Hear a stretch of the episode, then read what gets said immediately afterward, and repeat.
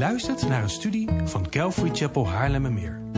We bidden dat de Heer tot je zal spreken en je zult groeien in jouw persoonlijke relatie met de levende God. Bezoek voor meer informatie onze website calvarychapel.nl. Dat is C-A-L-V-A-R-Y-C-H-A-P-E-L.nl.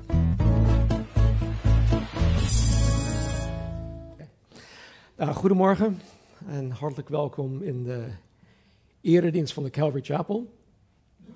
Uh, voor degenen die mij niet kennen, er zijn inmiddels heel veel mensen bijgekomen.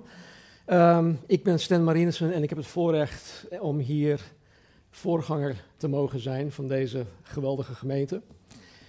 Ik kom meteen met de deur in huis vallen, uh, want ik heb nogal wat te zeggen en ik denk dat heel veel tijd van mij is weggesnoept. Nee, maar grapje. um, toen ik op 11 juni vorig jaar uh, voor de laatste keer achter deze kansel mocht staan, maakte ik bekend dat ik voor een onbepaalde tijd um, zou aftreden als, als voorganger. en het had te maken met uh, de zonde van boosheid, die zich vooral uitte richting Marnie, de vrouw van mijn jeugd zoals het zo mooi in Spreuken en, ook in Malachi staat. Marnie, waarmee ik, sorry hoor, Marnie, waarmee ik dit jaar 43 jaar samen ben en 40 jaar getrouwd, had vooral te maken met um, de laatste drie jaar, zeg maar, met de man die in plaats van dat ik begrip en eerbied voor haar had, zoals Gods woord in 1 Petrus 3 mij dat opdraagt, steeds vaker boos op haar werd. En die boosheid die uitte zich soms in zonde. De apostel Paulus leert ons in Efeze hoofdstuk 4 over het, het afleggen van de oude zondige natuur die elk mens in Adam heeft geërfd. Volgens mij sprak Heidi daar vanmorgen nog over. Tegelijkertijd in dat schriftgedeelte beveelt Paulus ons om bekleed te zijn met de nieuwe mens. De nieuwe natuur die elk wedergeboren mens in Christus gekregen heeft. want wie in Christus is, is een nieuwe schepping geworden. En elke dag opnieuw is het dus aan u, aan jou en aan mij om bekleed te zijn met de nieuwe mens. En dat is elke dag opnieuw weer een, een keus. Nou, in de context van bekleed te zijn met de nieuwe mens zegt Paulus dit. Word boos, maar zondig niet. Word boos, maar zondig niet. Het is de christen dus geoorloofd om over onrechtvaardige en onheilige zaken boos te worden. Het mag. Sterker nog, de christen moet zelfs over bepaalde zaken boos worden. Denk even aan de 73 miljoen ongeboren baby's die elk jaar wereldwijd afgeslacht, afgeslacht worden. 73 miljoen wereldwijd elk jaar. En dat is 200.000 baby's per dag. Dit moet ons boos maken. Dit moet ons echt in de kern van ons wezen boos maken. Maar dat betekent absoluut niet dat we in protest, in, in protest abortusklinieken moeten gaan opblazen of iets dergelijks. Want dan is het boos worden en zondigen. En dat is absoluut niet geoorloofd. En met mij was het dus dat ik boos werd en zondigde. Nou, ik weet, het is heel subjectief natuurlijk, ik weet niet wat voor beeld je bij het boos zijn en zondigen hebt. Dat kan heel verschillend zijn. En voor alle duidelijkheid gooide ik geen tafels om. Ik had Marnie ook nooit fysiek mishandeld, ik werd nooit gewelddadig, maar ik verhief mijn stem. Ik snauwde haar af. Ik zei gemene dingen tegen haar. Ik haalde haar soms met woorden neer in plaats van dat ik haar met genadige woorden opbouwde. Kortom, wanneer ik boos werd, was ik al te vaak niet liefdevol. Ik was niet genadig. Ik was niet barmhartig of begripvol.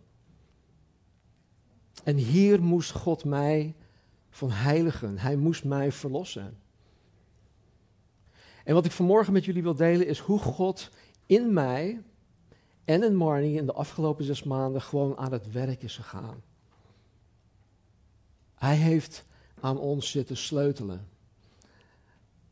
En het is een prachtig werk geweest. En nog steeds, dat nog steeds doorgaat. Nou, ik kan vandaag lang niet alles vertellen uh, dat de Heer in Marnie's en in mijn hart gedaan heeft. Daar heb ik misschien een aantal zondagen voor nodig. Dus het is mijn gebed dat Gods werk in mijn hart vooral tot uiting komt vandaag, maar ook vanaf dit moment in, in hoe ik Christus predik. En vooral ook in, in de liefde en in de zorg die ik, die ik jullie als voorganger mag geven. En zoals ik in mijn, in mijn mededeling van 11 juni aangaf, is het Gods bedoeling om zijn wedergeboren kinderen te heiligen. Het is Gods bedoeling om hen innerlijk, in het diepst van hun kern, het diepst van hun wezen, te veranderen naar het beeld van Jezus Christus. God wil dat zijn kinderen, jullie die wedergeboren zijn, God wil dat wij worden zoals Jezus Christus. En een van de manieren waarop de Heilige Geest dit veranderingsproces bewerkstelligt, is door datgene dat verschuild zit in het diepst van onze zondige harten openbaar te maken. Hij legt ons als het ware bloot. Een van de dingen die ik, die ik in mijn Bijbelse counseling training heb geleerd is dat elke zonde of zondige neiging zijn oorsprong vindt of bevindt in aanbidding. Met andere woorden, het onterecht boos worden en het zondigen in mijn boosheid was geen boosheidprobleem. Het was een aanbiddingsprobleem. Door onterecht boos te worden en te zondigen in mijn boosheid, aanbad ik niet de God van hemel en aarde. Ik aanbad Jezus Christus niet. Ik aanbad mezelf. Ik was gefrustreerd. Ik wilde mijn gelijk krijgen. Ik wilde dat Marnie in bepaalde opzichten veranderde. Dat zij in haar gedrag veranderde. Ik wilde dat zij, en ga zo maar door. In mijn boosheid draaide het om wat ik wilde. Ik aanbad mezelf en niet Jezus Christus. En ik overtrad hiermee het eerste van de tien geboden. En dat is dat ik mezelf als een afgod voor Gods aangezicht had. Er staat in Exodus 20, vers 3. U zult geen andere goden voor mijn aangezicht hebben. Dat is het eerste gebod. Dit is het primaire gebod in heel de Bijbel. En daarom zei Jezus dat het liefhebben van God met heel ons hart, ziel, kracht en verstand het allerbelangrijkste is. Dit is het allerbelangrijkste, het liefhebben van God met heel ons hart, ziel, kracht en verstand. God wil en God verdient het om op de eerste plaats en de hoogste plaats te staan in ons leven.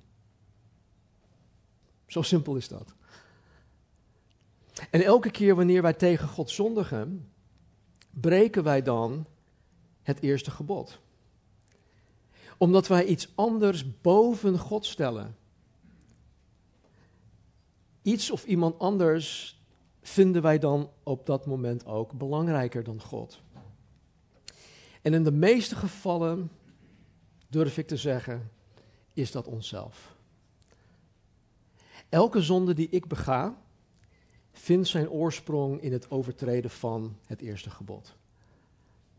Dus door te zondigen in mijn onterechte of zelfs terechte boosheid, overtrad ik het eerste gebod, waardoor ik God niet langer op de eerste en hoogste plaats heb, maar ehm, mezelf. En waardoor ik God niet langer aanbid, maar mezelf. Daarentegen, als ik God, als ik Jezus Christus in mijn onterechte of terechte boosheid aanbad, dan zou ik niet zondigen. Dan zou ik liefdevol, dan zou ik genadig en ook heel barmhartig en begripvol en zelfs medelijdend en compassievol en behulpzaam reageren op datgene dat Marnie deed of naliet, wat mij in, eerste instantie boos maakte. Ik ben nu ook bezig met een, een aantal boeken over boosheid van een, aantal uh, verschillende Bijbelse counselors. En ik, ja, het, is zo'n breed iets uh, en het, het, is zo mooi om te zien hoe deze persoon het allemaal um, uiteenzet. Maar waar het uiteindelijk op neerkomt is dat ik, wij, jullie en ik, dat wij barmhartig moeten zijn in onze boosheid. En het maakt niet uit wat het is wat iemand ooit heeft gedaan of waarover wij boos worden. Barmhartigheid is de kern van hoe wij daarop moeten reageren. Nou, als ik God aanbid in plaats van mezelf, dan zal ik zelfs niet eens meer onterecht boos worden. En dit is denk ik de sleutel in mijn verhaal van herstel. Dit is wat ik in een beknopte vorm vandaag met jullie uh, wil delen. Nou, wat ik zo even al zei, is een van de dingen die God gebruikt om, van, om zijn kinderen te heiligen, is zonde aan het licht brengen. En zonde die soms diep verschuild zit in een hart. En één manier waarop God deze zonde aan het licht brengt, is door mij in situaties terecht te laten komen, waarin een reactie vanuit het diepst van mijn wezen tot uiting komt. Een voorbeeld uh, wat ik laatst ook gaf van een fles water. Als ik hier nu een, een fles water heb, zo'n fles water, ik draai de dop los en ik geef het een flinke stoot, wat gebeurt er dan? Het water komt eruit, toch? Ik ga morsen. Water komt eruit. Dus wat erin zit, komt eruit. En God doet niet, of hij, God doet, hij doet dit niet, omdat hij erachter wil komen wat in mijn hart leeft. Hij weet het al. God is alwetend. Hij weet het al. Hij, en hij, hij had er al lang rekening mee gehouden toen hij mij redde bij mijn wedergeboorte. Hij wist van tevoren al wat voor vlees hij in de kuip had. Maar God doet dit zodat ik erachter kom. Zodat ik erachter kom wat er nog van zonde in mijn hart leeft. En wanneer ik geconfronteerd word met die zonde, dan moet ik, moet ik omwille van het heiligingsproces naar God toe gaan met die zonde. En daarom zegt Jezus, kom naar mij toe. Een van de aspecten van hoe ik, de, hoe ik afgelopen juni met mijn zonde naar God toe was gegaan, was door hulp te zoeken bij een Bijbelse counselor. En misschien vraag je je af, wat is dat eigenlijk? Een Bijbelse counselor. In het Engels, biblical counselor. Nou, voor de duidelijkheid, een, een Bijbelse counselor is absoluut niet hetzelfde als een christelijke psycholoog. Of een christelijke therapeut of een christelijke coach. Het is iemand die heilig gelooft in de toereikendheid van de Bijbel, waar het gaat om zielzorg. Zielzorg, en dat is ook, moet je ook niet verwarren met zielenknijpen. Dat is weer iets anders. En dit wil zeggen dat het woord van God, dat door de Heilige Geest gebruikt wordt, volledig in staat is om Gods kinderen te heiligen. En dat voor het. En dat, ja. Daar is niks anders voor nodig. Jezus zei in het hoge priestelijke gebed, vroeg hij aan de Vader over zijn discipelen, heilig hen door uw waarheid. Uw woord is de waarheid. In 2 Timotheus 3, 16 en 17 staat dit. Heel de schrift is door God ingegeven en is nuttig om daarmee te onderwijzen, te weerleggen, te verbeteren en op te voeden in de rechtvaardigheid, opdat de mens die God toebehoort, er staat in de HSV volmaakt, het is eigenlijk volgroeid zou zijn, tot elk goed werk volkomen toegerust. Het maakt Gods kind volwassen, geestelijk volwassen.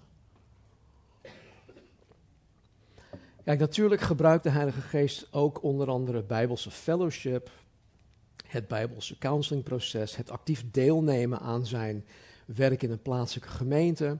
God gebruikt ook lijden met een lange ei, ja, dat heb je goed gehoord, lijden. Maar uiteindelijk zijn ook deze dingen die ik net noemde gegrond in het onfeilbaar woord van God. We komen daar niet onder, onderuit. We kunnen daar niet omheen. En het is aan God zelf hoe hij zijn bijbelse gereedschappen en middelen inzet in het heiligingsproces.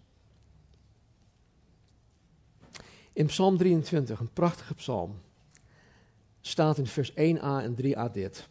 De Heere is mijn herder, zegt David. De Heere is mijn herder. Hij verkwikt mijn ziel. De Heere is mijn herder, hij verkwikt mijn ziel. Ik denk dat het handig is om duidelijk te krijgen wat hier bedoeld wordt met ziel, want het woord voor ziel in de Hebreeuwse context, of grondtekst, sorry, heeft in de Bijbel, in de Bijbel namelijk verschillende betekenissen. Uh, in het Nieuw Testament wordt het Griekse woord psyche vertaald als ziel. In het Hebreeuws is het een ander woord, nefesh.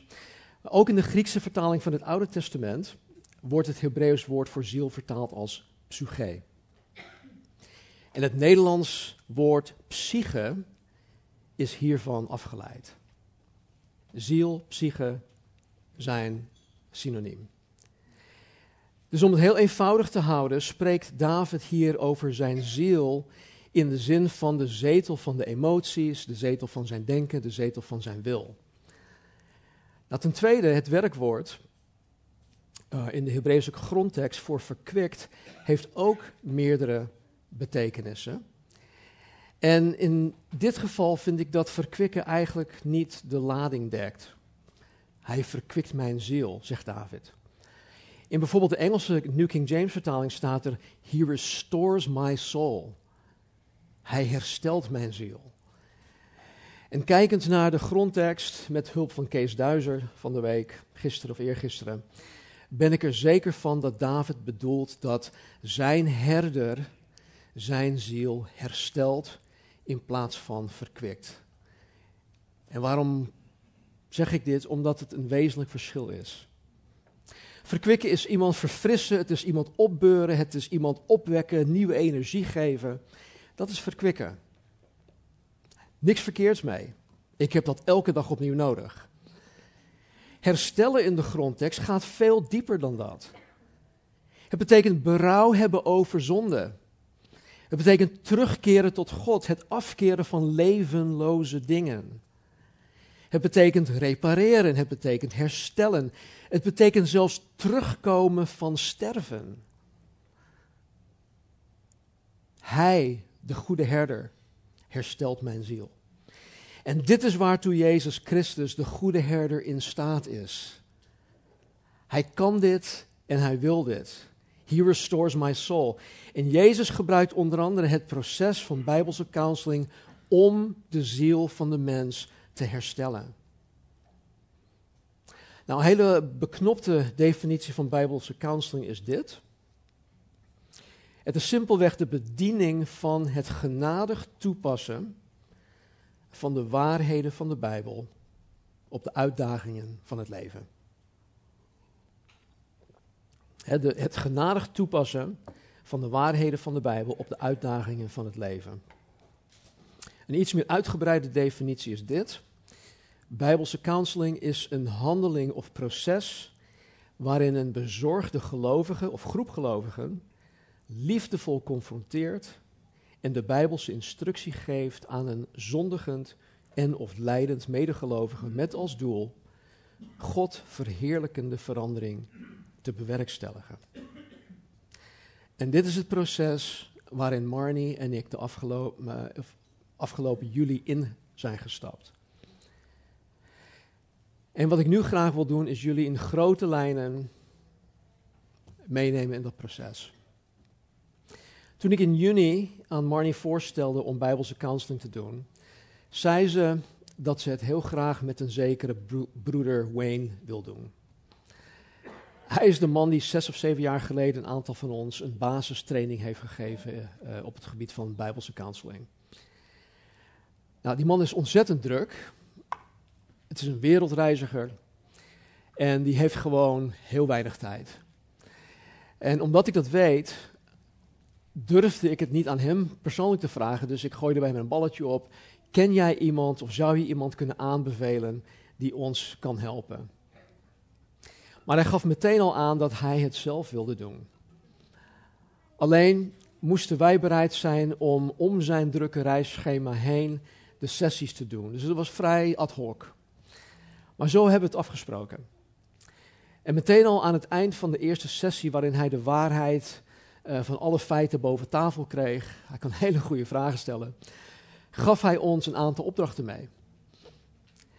Wij moesten Psalm 8, bestaat uit negen versen, prachtige psalm. Wij moesten dat uit ons hoofd leren. En wij moesten elkaar hierin helpen. En dit was niet alleen om de waarheid hiervan in ons op te nemen, maar tegelijk ook om Marnie met haar geheugenprobleem te helpen, het te trainen. Wij moesten Psalm 8, Psalm 40, Psalm 65, 98, 145, 146 en 150 gaan bestuderen. En deze met elkaar bespreken.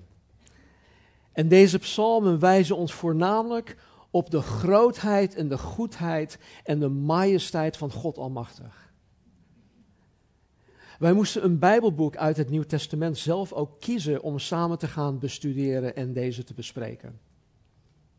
We moesten samen het boek um, Gentle and Lowly, The Heart of Christ for Sinners and Sufferers, van een zekere Dane Ortland, moesten wij gaan lezen en bespreken. Deze is ook uh, te verkrijgen in het Nederlands. Daarnaast moest ik persoonlijk het boek Dangerous Calling uh, zelf gaan lezen. Is ook in het Nederlands vertaald. En Marnie moest het boek Suffering van Paul Tripp lezen. Uh, deze hebben we uiteindelijk uh, ook samen gelezen en samen besproken.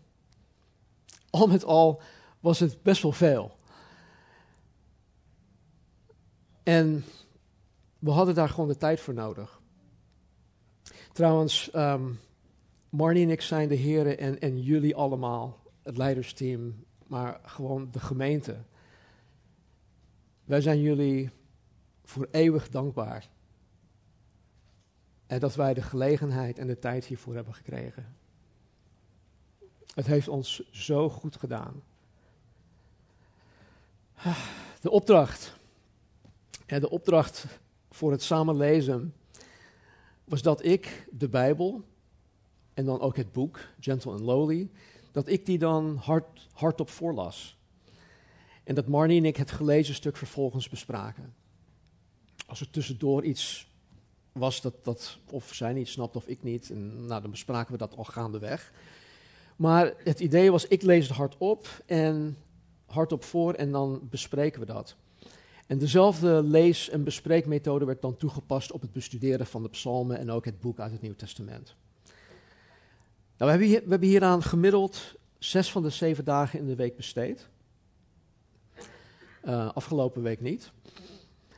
En in het lees- en bespreekproces zaten we gemiddeld anderhalf uur aan tafel beneden bij ons. Aan onze eettafel te lezen, te bespreken, te lachen, te huilen, te bidden. Ik moet niet naar Marnie kijken, want anders ga ik huilen. Hou op.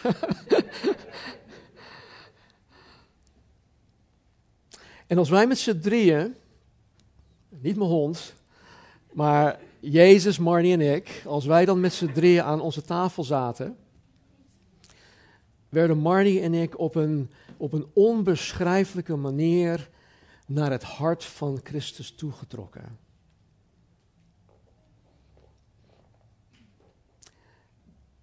En we zien vooral, nu ook achteraf, maar zelfs gaandeweg, dat de Heer deze toegewijde ochtenden gebruikte om ons niet alleen het hart van Christus te laten zien en ons naar zijn hart toe te trekken, maar juist ook om ons hart open te breken. Om onze zonden, onze mislukkingen, mislukkingen en zwakheden en angsten en percepties en tekortkomingen, om al deze dingen aan het licht te brengen. En deze aan God en ook aan elkaar te gaan beleiden. En we merkten dat de lieve, zachtmoedige geest van God ons diende. Hij heiligde ons en bracht ons dichter bij Christus op een manier die voor ons op dat moment en zelfs nu nog steeds fris was. Het was verfrissend. Het was diepgaand, het was intens en het was gewoon super, super intiem. Wij vergeleken dit, dit aantafelproces met de ervaring van Petrus, Jacobus en Johannes toen zij de verheerlijkte Christus zagen op de berg der verheerlijking. Petrus die wilde daar blijven. Hij zag Jezus, hij zag Mozes, hij zag Elia en hij dacht van, hey, forget that, ik wil hier blijven, laten we drie tenten bouwen. We blijven lekker hier. En eigenlijk wilden Marnie en ik ook in dit zeer speciale seizoen van zijn overvloed blijven.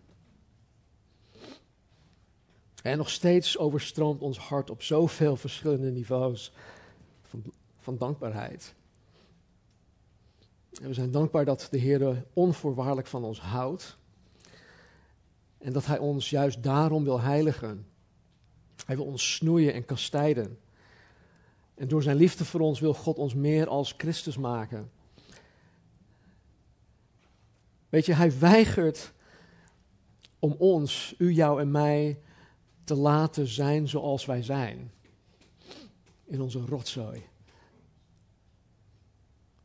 Zijn werk in onze harten was precies, het was nauwkeurig, het was en is nog steeds intens en het is zichtbaar voor ons. En het is ook zeer bevredigend. Wij hebben ook heel veel vrede in ons hart op dit moment. En zijn werk heeft niet alleen een hartverandering veroorzaakt bij Marnie en mij, het verricht ook een prachtig werk in onze nabije omgeving. En met onze kinderen en kleinkinderen, zelfs een aantal van mijn collega-predikanten.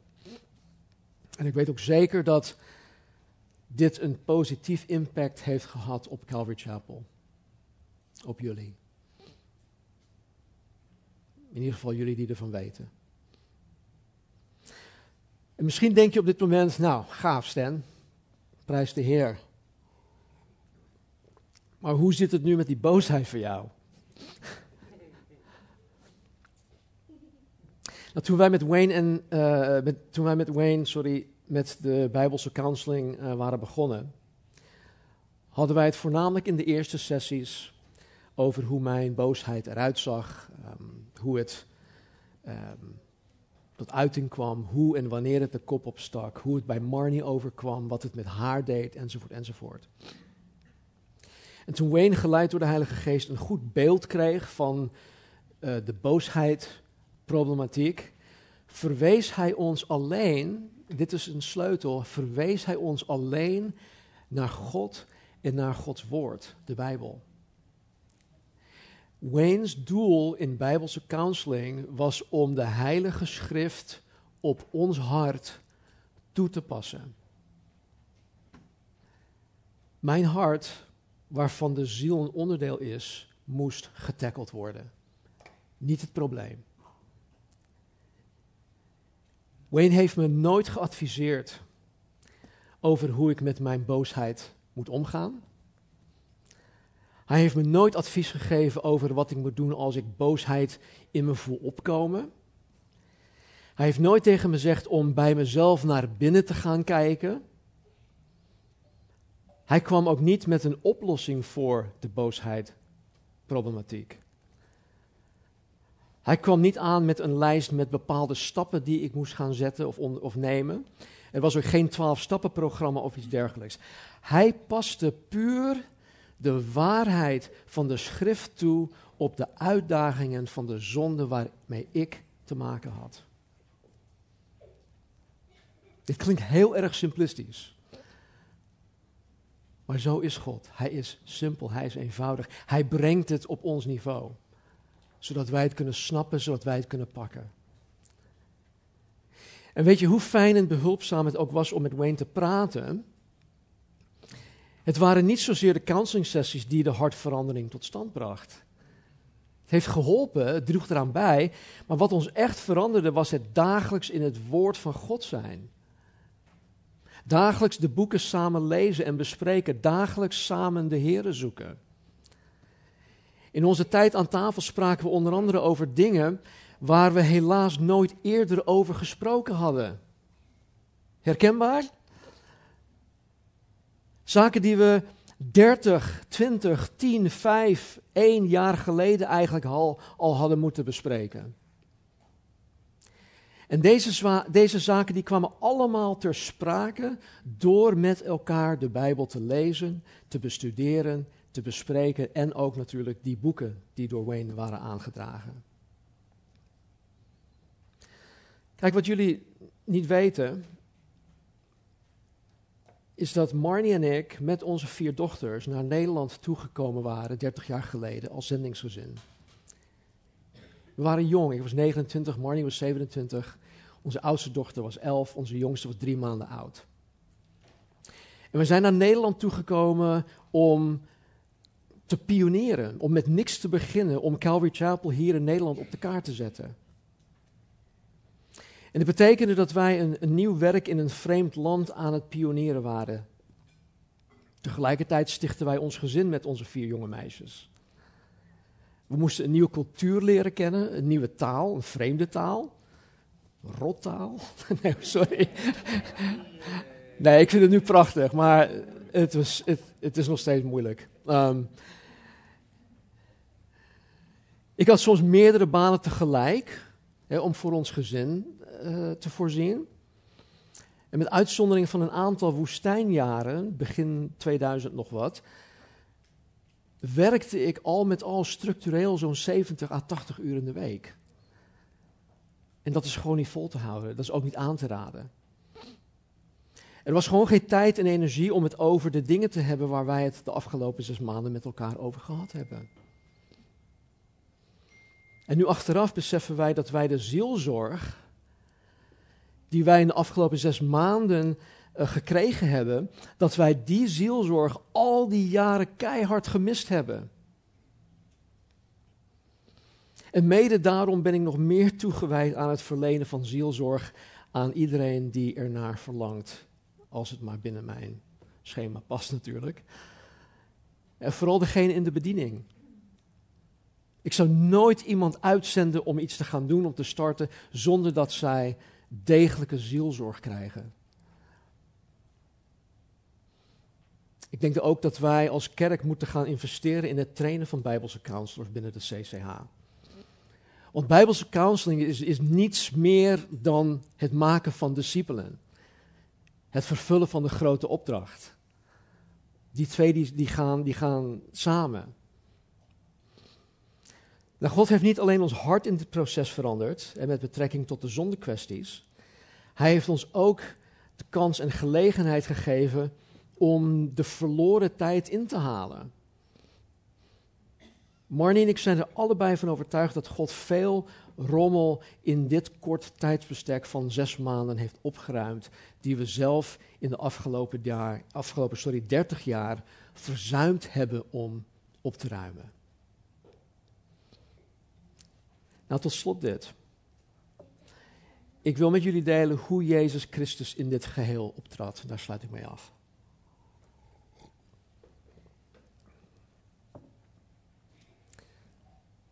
Jezus zei op een gegeven moment in Matthäus hoofdstuk 11 aan het eind: Kom naar mij toe, allen die vermoeid en belast zijn, en ik zal u rust geven.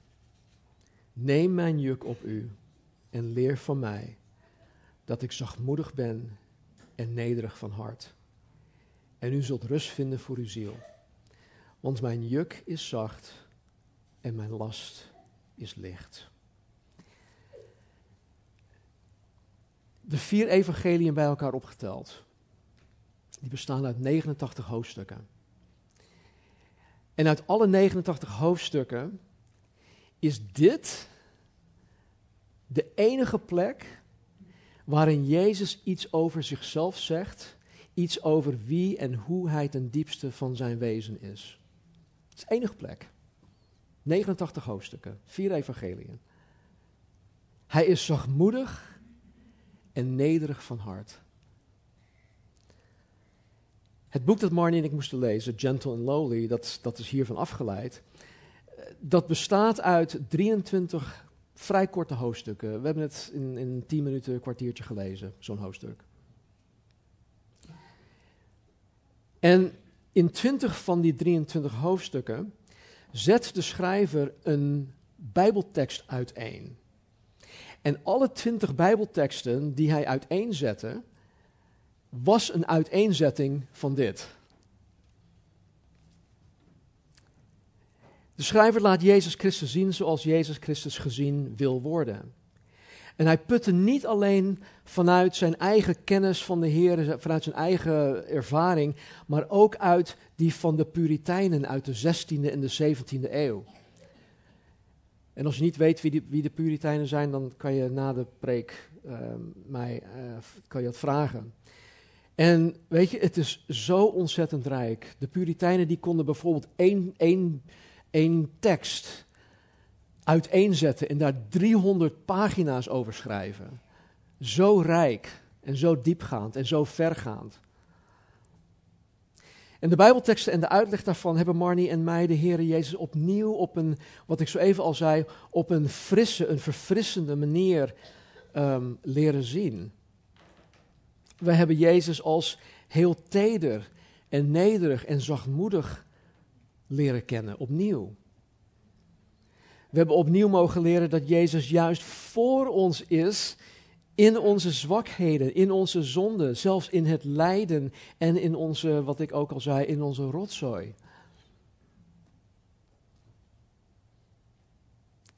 Als we Jezus in de evangelie zien optreden richting de zondaar, richting de gewone mens, richting de zieke, de minder bedeelde, de lijdende, de gecancelde, dan zien wij altijd dat hij jegens hen met innerlijke ontferming bewogen was.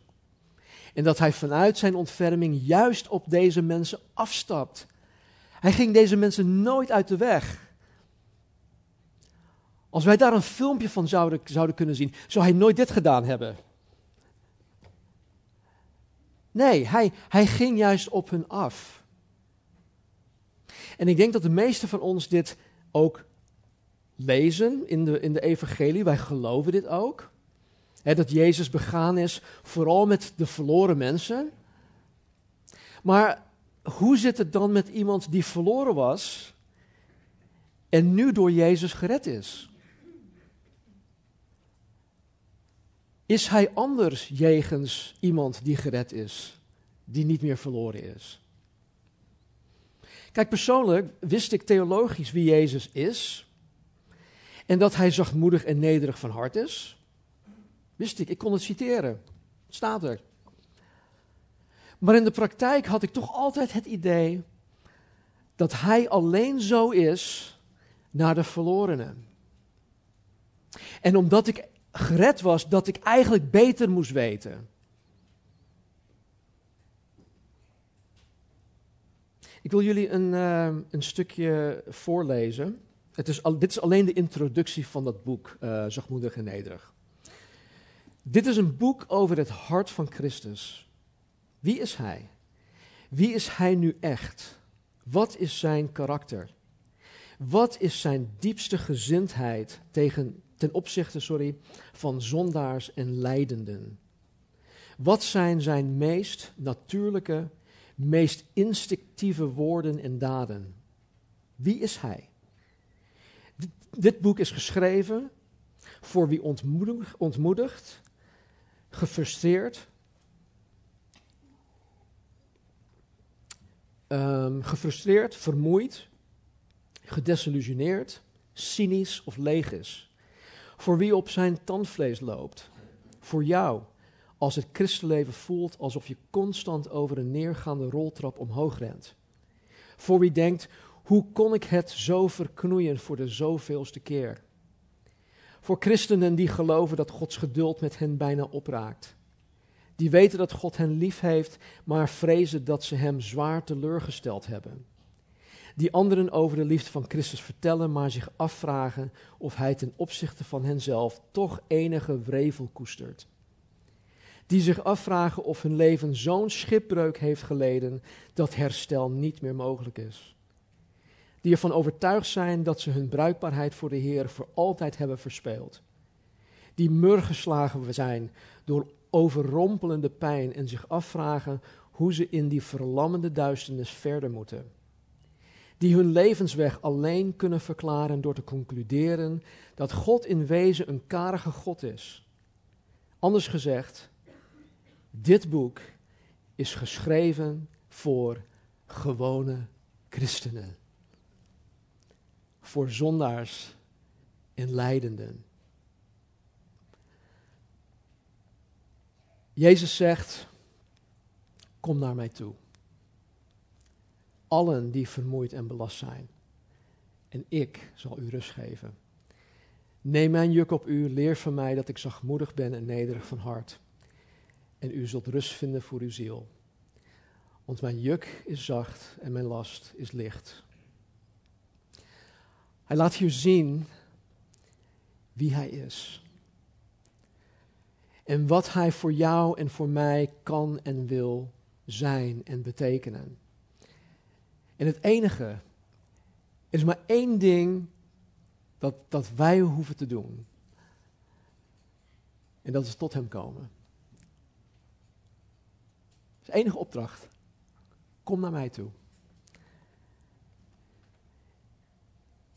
Nou, ik kwam eind mei, begin juni tot Jezus, onder andere in de vorm van zondebeleid.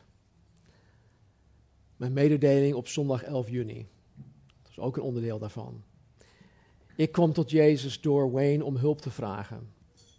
Om Casper en die andere mannen om hulp te vragen. Ik kwam ook elke dag opnieuw bij Jezus door samen met Marnie aan tafel te zitten.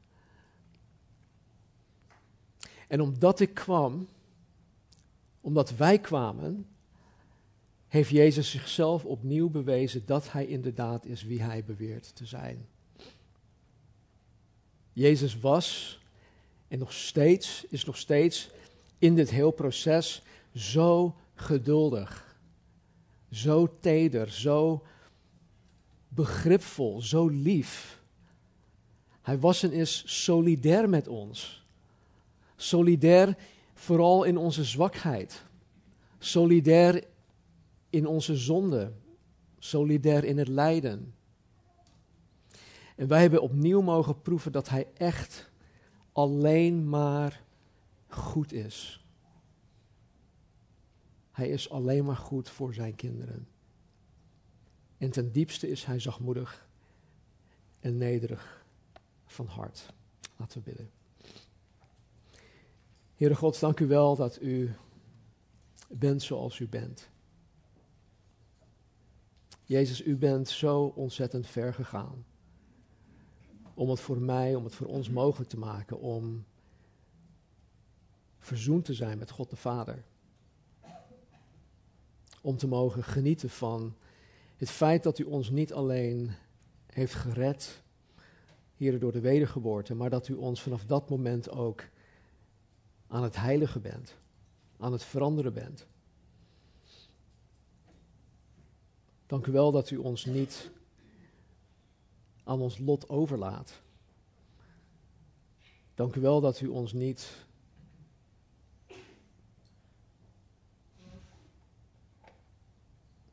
ja, aan ons lot overlaat in de zin dat we het zelf moeten uitzoeken. En dat we bijvoorbeeld tot tien moeten tellen. Of andere methodes moeten toepassen, Heer, om zaken onder controle te krijgen. En dank u wel, Heer, dat u als enige in staat bent om ons in het diepst van ons wezen te kunnen veranderen, te willen veranderen. U wilt het, u kan het en u doet het. Dank u wel daarvoor. Heer, u weet wat er zit in al onze harten. Doe uw werk, Heer, in, in ieder van ons. Doe wat nodig is. Wij verwachten het van u. En help ons, Heer, nogmaals te zien op Jezus. Dank u wel dat um, Charles Spurgeon, Heer, tot geloof kwam, tot redding kwam, tot wedergeboorte kwam. Door die simpele drie woorden: zie op Jezus.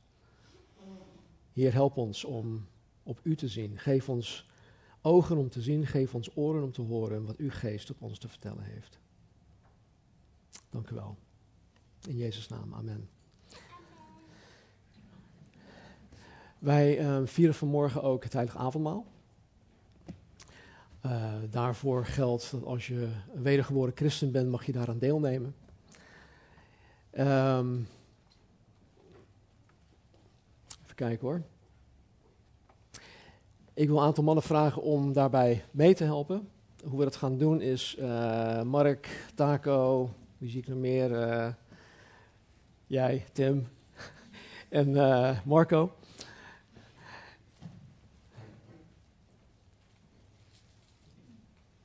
Ik ga zo meteen een stukje voorlezen. En vervolgens zullen um, Heidi en Sam ons begeleiden. En uh, ik zou zeggen, terwijl je ze zingen, nadat ik mijn ding heb gedaan, uh, neem nog even de tijd om met God te praten. Misschien moet je iets met God goed maken. Niet dat, dat Hij daarop zit te wachten, maar het zit tussen jou en God in, in je eigen hart. En misschien moet je gewoon zonde beleiden. Niet deze kant op, maar die kant op. En neem daar gewoon gerust de tijd voor. En dan wil ik je vragen om de elementen te pakken, weer terug naar je stoel en dan uh, nuttigen we die samen. Aan het eind van het evangelie zei Jezus dit uh, in Matthäus 26. Terwijl zij aten, nam Jezus het brood en toen hij het gezegend had, brak hij het af, of brak hij het en gaf het aan de discipelen en hij zei, neem, eet, dit is mijn lichaam. Hij nam ook de drinkbeker en nadat hij gedankt had, gaf hij hun die. En zei, drink allen daaruit, want dit is mijn bloed. Het bloed van het nieuwe verbond, dat voor velen vergoten wordt tot vergeving van zonden. Ik zeg u dat ik van nu aan de, van de vrucht van de wijnstok niet zal drinken tot op de dag wanneer ik die, u, die ik, ik die met u nieuw zal drinken in het koninkrijk van mijn vader. Tot zover. Weet je, toen Jezus voor ons aan het kruis zijn leven aflegde, nam hij al onze zonden op zich. Het is gewoon niet, voor te stellen. Hij nam de straf op zich voor al onze zonden. En die straf die werd al in Genesis 3 uitgedeeld. Toen God zei dat Adam en Eva zeker zouden sterven wanneer zij zondigden, stierven zij fysiek niet onmiddellijk. Ze leefden nog een aantal honderden jaren. Maar ze stierven wel geestelijk onmiddellijk. Ze waren verbannen uit de hof. Ze konden geen fellowship meer, meer hebben met God. En die geestelijke dood is simpelweg gescheiden te zijn van God. En heel simpel gezegd betekent dat dat wij als mensen geen fellowship met God hebben. Dat is die geestelijke dood. De zonde scheidde Adam en Eva van God. En elk mens die sindsdien geboren is, is geboren als iemand die gescheiden is van God. Die geestelijk dood is geboren. Maar toen Jezus onze zonde en de straf daarvoor op zich nam, stierf hij dus niet alleen fysiek aan het kruis, hij stierf ook geestelijk.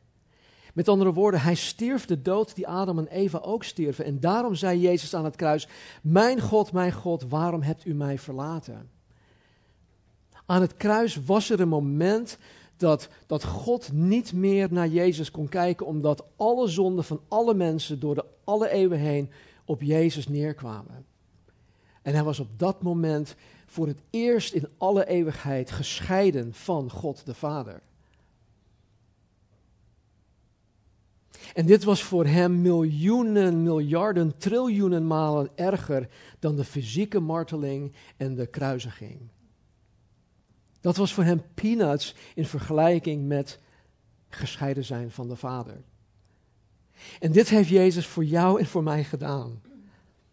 En hij heeft het voor ons gedaan om het mogelijk te maken dat wij niet langer gescheiden hoeven te zijn van de God van de Bijbel. Zodat wij niet langer geestelijk dood hoeven te zijn, maar dat wij geestelijk opgewekt, wedergeboren kunnen zijn. Hij heeft dit gedaan. Hij heeft het voor ons mogelijk gemaakt. En Jezus is natuurlijk ook uit de dood opgestaan. Hij is teruggevaren naar de hemel. En hij is nu gezeten aan de rechterhand van God de Vader. En hij leeft voor eeuwig om voor Gods wedergeboren kinderen te pleiten. Hij pleit voor jou, voor u en voor mij. De huidige bediening van Jezus, het pleiten voor Gods wedergeboren kinderen, dat heeft Marnie en mij door dit proces heen geholpen. Die levende Jezus, die 24/7 voor ons pleit, hij in zijn huidige bediening heeft ons door dit proces heen geholpen. En in en door Jezus' huidige bediening heeft Jezus de kruisiging, het sterven en het opstaan uit de dood toegepast op onze heiliging. Hij past het toe door voor ons te pleiten. Wat een heiland hebben wij. Terwijl ze aten, nam Jezus het brood. En toen hij het gezegend had, brak hij het. Hij gaf het aan de discipelen en hij zei: Neem, eet, dit is mijn lichaam. Hij nam ook de drinkbeker en nadat hij gedankt had, gaf hij hun die. En zei: Drink allen daaruit. Want dit is mijn bloed, het bloed van het nieuwe verbond, dat voor velen vergoten wordt, tot vergeving van zonde. Ik zeg u dat ik van nu aan van de vrucht van de wijnstok niet zal drinken tot op de dag wanneer ik die met u nieuw zal drinken in het koninkrijk van mijn vader. Kijk vooruit. Beste wat wij kunnen doen is vooruit te kijken.